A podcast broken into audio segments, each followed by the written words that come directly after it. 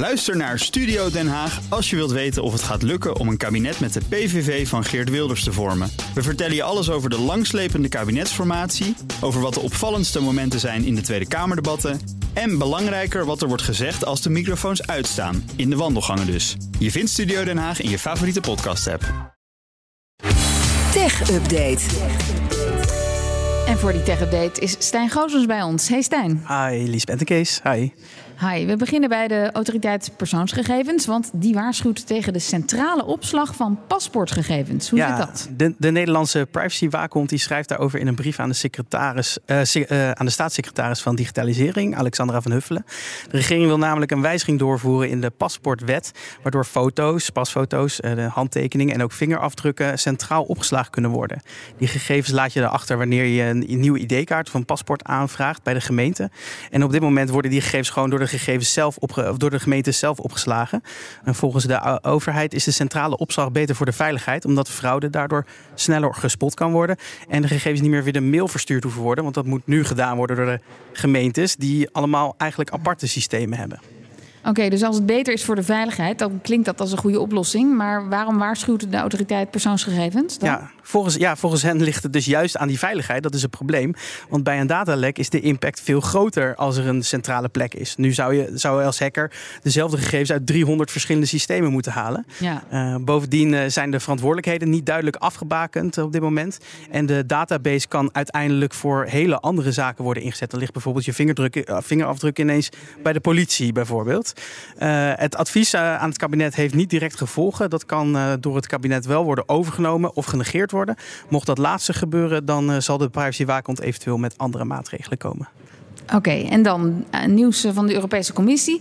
Want die stellen dat te veel webwinkels doen aan misleiding. Ja, bijna 40% van de onderzochte online winkels zou dark patterns gebruiken om klanten te manipuleren. Die dark patterns dat zijn elementen op de website die bedoeld zijn om klanten te verleiden, of te misleiden eigenlijk, uh, tot een, toch een hotelkamer boeken of een vlucht boeken.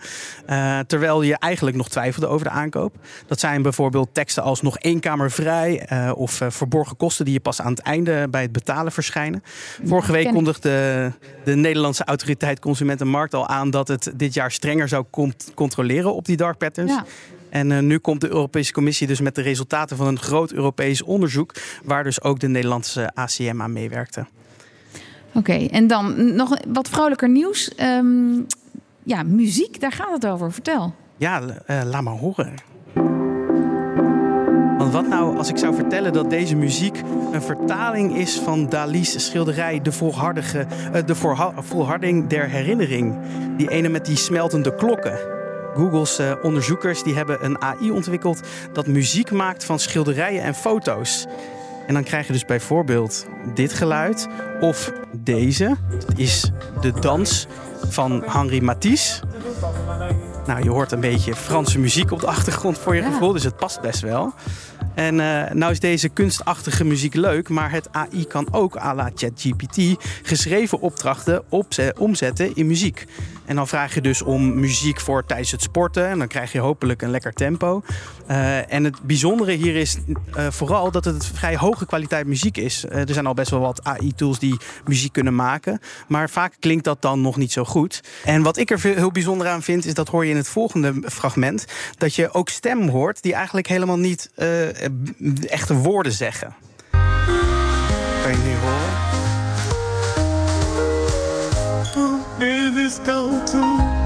Dan denk je, waar luister ik nou naar? En ja, op zich, uh, alle liedjes van Kane klinken ook. maar ja, dit dat... is dus AI en dat een soort uh, ja, geluid produceert dat op stemmen lijkt, maar er is niets uit te ontcijferen. Nee, nou ja, er is een, een genre uit te ontcijferen. Want dit was eventjes jazzy. En hij kan dus uh, op basis van jouw tekstprompt ook overgaan tussen verschillende genres. Dus je kan ook zeggen, maak hem na deze jazzmuziek iets meer poppy, iets meer rock of zelfs metal. Of je kan zeggen, ik wil wat harder rennen op deze muziek. En vervolgens gaat hij dan de muziek zo aanpassen dat je... Nou, dat je het gevoel hebt dat je daar harder op kan rennen. Net zoals dat ja. Spotify dat normaal ook doet met een hele afspeellijst. Ja. Ik zou zeggen, een mooie muziektool voor uh, Spotify ja. om eens uit te proberen. Ik ben nu heel benieuwd wat er gebeurt als je het woord case geeft in die... Keiharde metal. Keiharde metal, ja, dat denk ik ook. Dankjewel, Stijn Goosens. Dankjewel. De BNR Tech Update wordt mede mogelijk gemaakt door Lenklen. Lenklen. Betrokken expertise, gedreven resultaat.